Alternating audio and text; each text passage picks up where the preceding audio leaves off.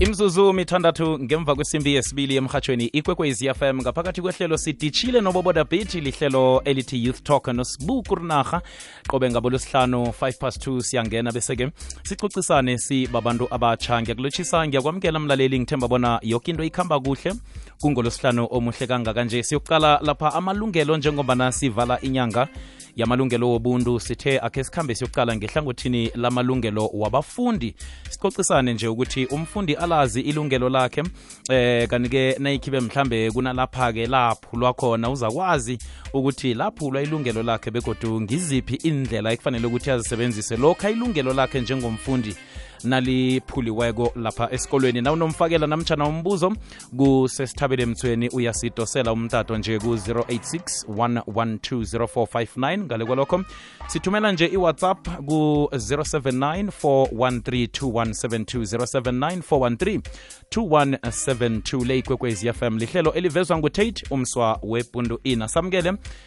isithekeli sethu esicocisana naso namhlanje sesithabile siyakwamukela siyakulotshisa emhatshweni kwekwezi akwande ngilotshise nabo boke abalaleli bekwekwezi f m niyavuka sesithabile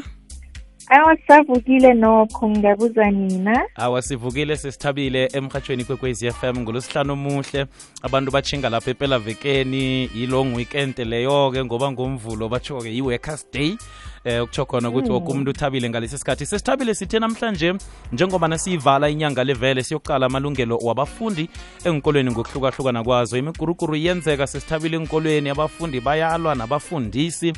ngapha nangapha kwabona bayalwa baphula amalungelo abo manje sitsho ukuthi-ke khe siwandlale ngomnjalo bayo qala i-section 29 yomthetho ithi woke umuntu yomthetho wesewula afrika ithi woke umfundi unelungelo umntwana unelungelo lokutshinga lapha esikolweni begodu bafaka hlangana nalabo esele bakhululeko i-adult eh, education nakhona leyo umuntu unelungelo layo asingeneke sisithabile esihlokweni sethu sanamhlanje sithome ngokundlala amalungelo wabafundi eh abanawo enkolweni ngokuhlukahlukana kwazo okay so njengoba-ke ushileke ukuthi-ke kukhona amalungelo-ke kwe-bill of right yethu esewula afrika mm. yona-ke echaza kokuthi-ke wonke umuntu unelungelo lokuthi-ke athole ifundo i-right to education mm. eh lapho-ke kusho ukuthi-ke njengoba sinawo amalungelo la nathi-ke sinama-responsibilities begoduke kuphinde kube ne-schools act schools act covera-ke woke um, um, umuntu osesikolweni abantwana kanye nabafundisi-ke nangakukhumbulisifi-ke abantwana besikolo-ke boke banamalungelo begoduke nabafundisi bethu banamalungelo lokhu mhm. kusho ukuthi-ke eh abantwana besikolo-ke nabasesikolweni banelungelo lokuthi-ke baphathwe kuhle begodu-ke banakelelwe lapho-ke siqalisa-ke kubafundisi bethu bekosele banakelelwe bafundisi baphathwe kuhle bafundisi bethu abasenkolweni ngokuhlukahlukana kwazo-ke lapho-ke sithinana nendaba lesibiza ngokuthi yi-local parentis ilokho parentis isho ukuthi-ke abafundisi eh namkha-ke abothishara bethu-ke boke abaseenkolweni-ke osele baziphathe kwanga bazali babafundi boke abesesikolweni so lokho kusho ukuthi-ke kosele babanakelele kosele benze isiqapheko sokuthi-ke woke umfundi uphatheke kuhle akahlukumezeki bese enye into ekosele sikhumbulise-ke nasikhuluma ngamalungelo wabafundi mm. ukuthi-ke eh nasikhuluma ngesikolo isikolo eh sinen kunento esibiza ngokuthi compulsory attendance kusho ukuthi ke wonke umfundi kosele nayeke abe responsible nayeke ayenze iqiniseko sokuthi ke uyaya esikolweni afunde begoduke afundiseke mm. lapho kosingena endabeni yepatho ukuthi-ke umfundi kosele aphathwe kuhle nakasesikolweni naye-ke une-responsibility yokuthi-ke kosele aziphathe kuhle abe mfundi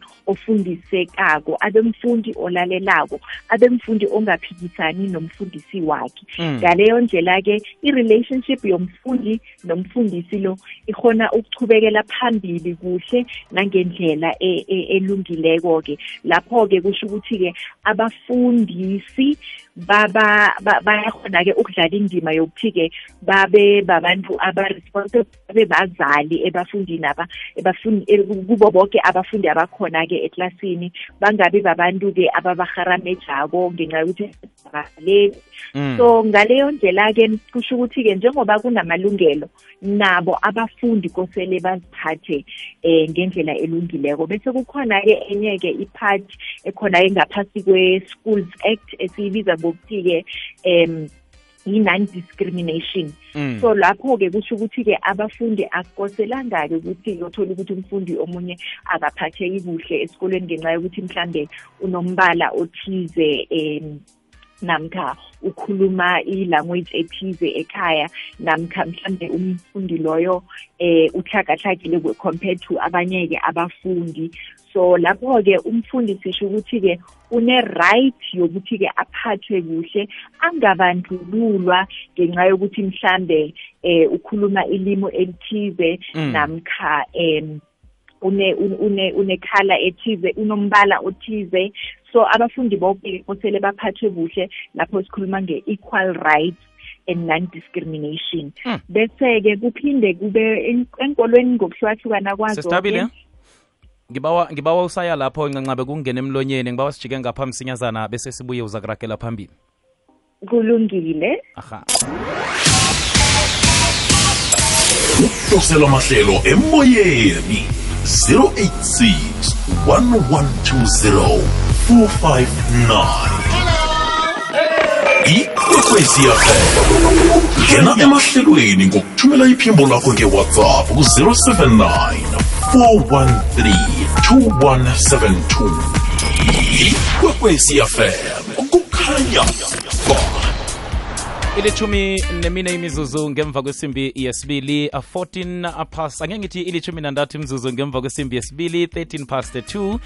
emhatshweni ikwekwezi fm singaphakathi kwehlelo youth talk 0794132172 nange nange unombuzo malungana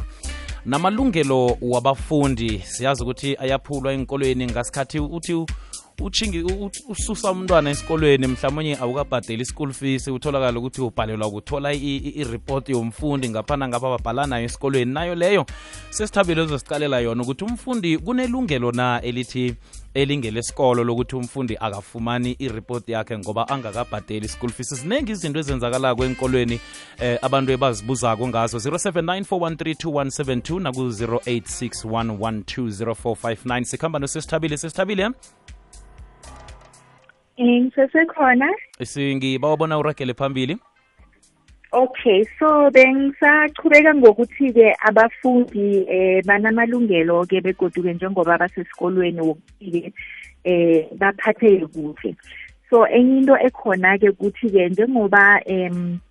i-bill of rights yethu ithi wonke umntwana nelungelo lokuthi-ke anikezwe igama lokho kusho ukuthi-ke abantwana bonke nabasesikolweni banelungelo lokuthi-ke babizwe ngegama nangesibongo leti elikhethwa ngibo begoduke ngaleyo ndlela-ke kusho ukuthi-ke abafundi akoselanga babizwe ngamagama abangawathandiko namkha amagama um anokuhlonisi ngaphakathi kwawo so kosele abantwana nabasesikolweni bahlonishwe eh bahlonishwe ngabanye abafundi abafunda nabo begoduke baphinde bahlonishwe um bafundisi babo Hmm. kwamambala sisithabile um-, umbelethi udlala yiphi indima eh, kumfundi ukuthi eh, kuqinisekise ukuthi ilungelo lomntwana akhe eh, mbala liyahlonitshwa lapha esikolweni ngikuphi umbelethi ekufanele akwazi ngesikolo eh, ukwenzela ukuthi azi ukuthi umntwana akhe nakuphulwe ilungelo lakhe akwazi ukukubona lokho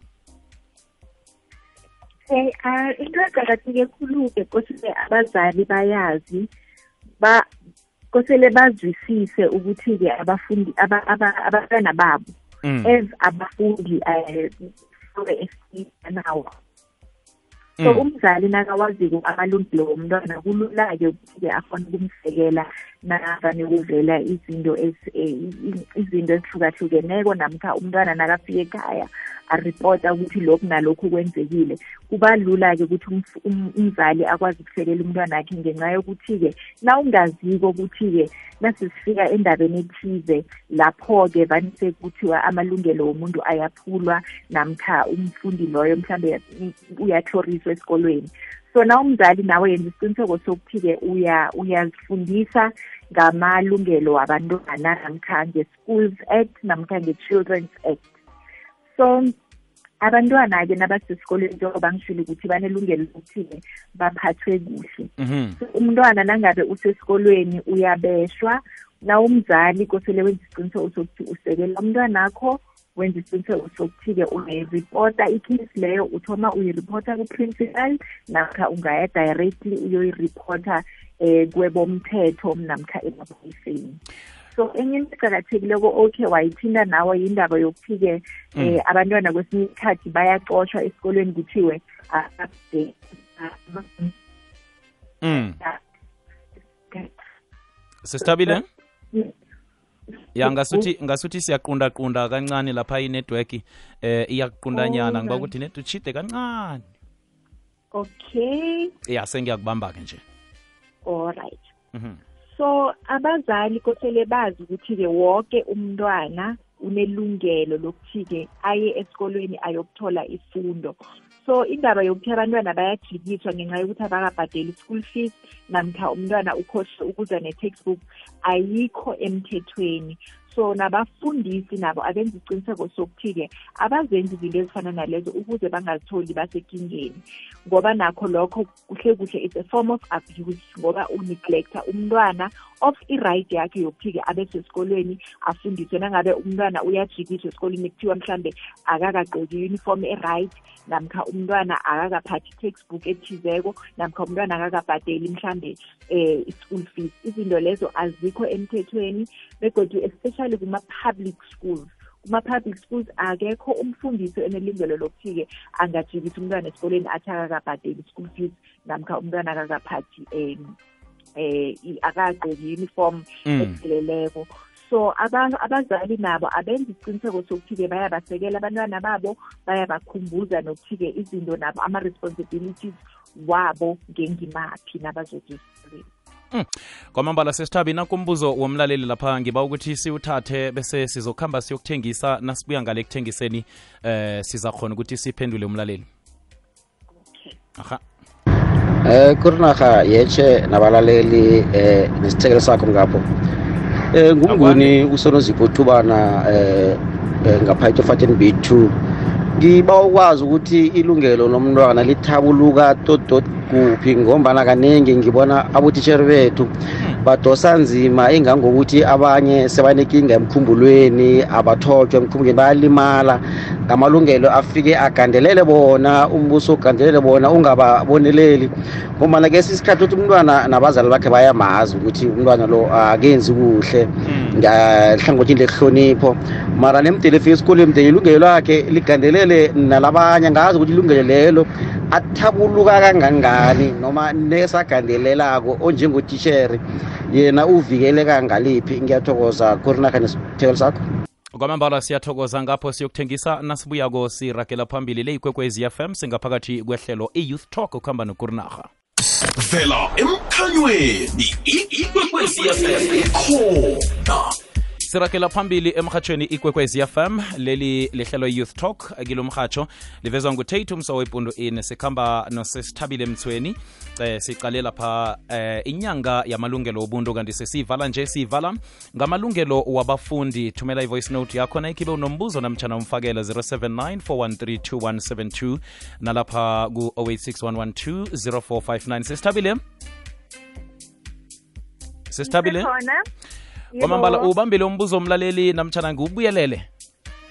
Eh, babuyelela ngiyizwisise kuhle kwamambana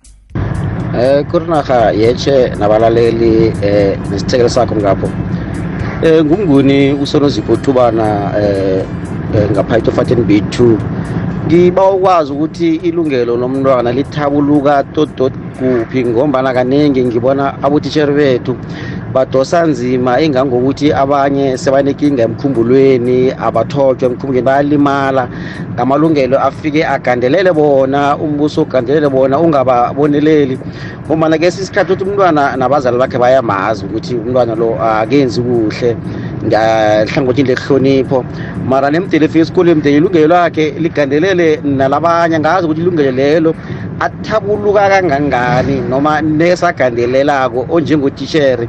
yena uvikeleka ngaliphi ngiyathokoza kurinahane sithekelo sakho kwamambala siyathokoza sesithabile ubambile umbuzo umayelana nokuthi kuhle kuhle afika apha amalungelo la ngoba ingasuthi kuqalwa amalungelo wabafundi kwaphela wabotitshere ajame phi wona ngoba umfundi ugcina athuwelele eqele ngale ngemva kwalapho nakukhulunywa naye akhulume ngelungelo okay no ngiyawuzwisisa umbuzo lona-ke um ngingathi mina mm, enkolweni engokuhlukahlukana kwazo kuvane kube ne-code of conduct lapho-ke sikhuluma ngendlela lapho-ke abafundi nabo kwesele baziphathe ngakhona lapho-ke nabo abafundi baba ne-responsibility yokuthi-ke akusimalungelo kwaphela-ke abanawo but nabo kunendlela ekosele baziphathe ngawo bese-ke nasifika ku-code of conduct abafundi nabo nangabe bayahluleka ukuziphatha kuhle abafundi bagcina basuspendiwa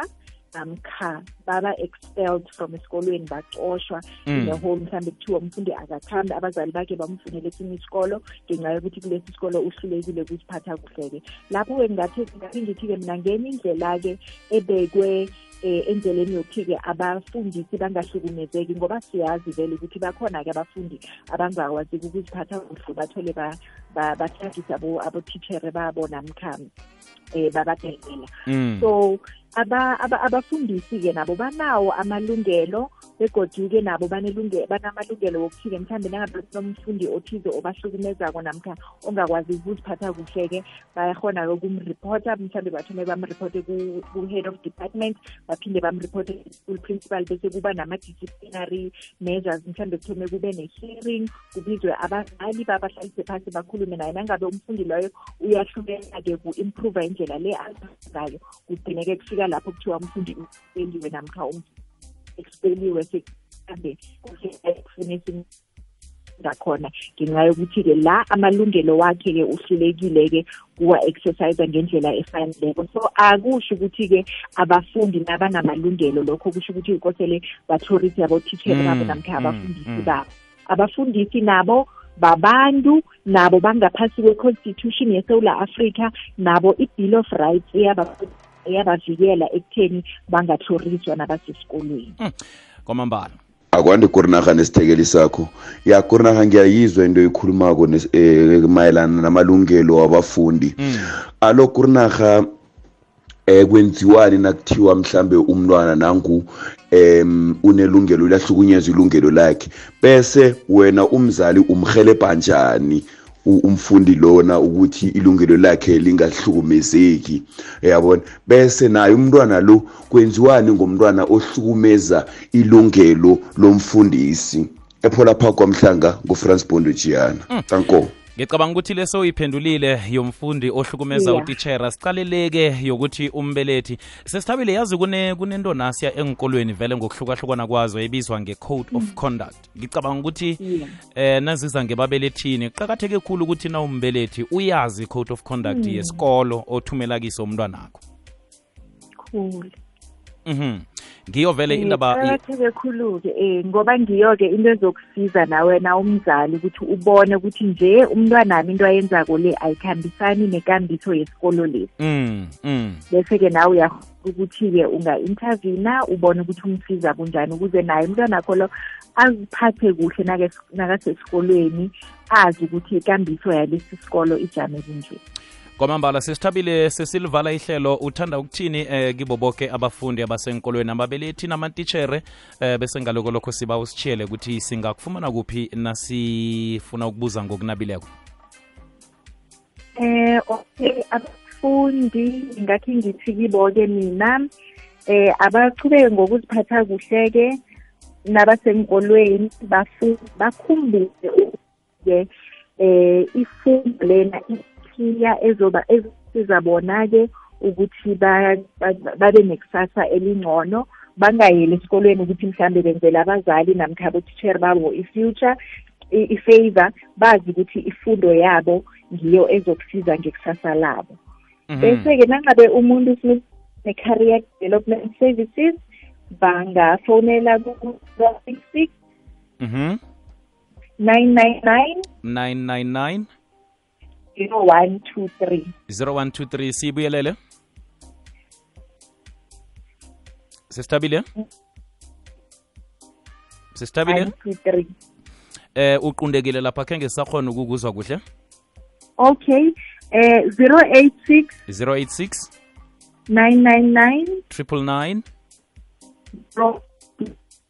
uthi zero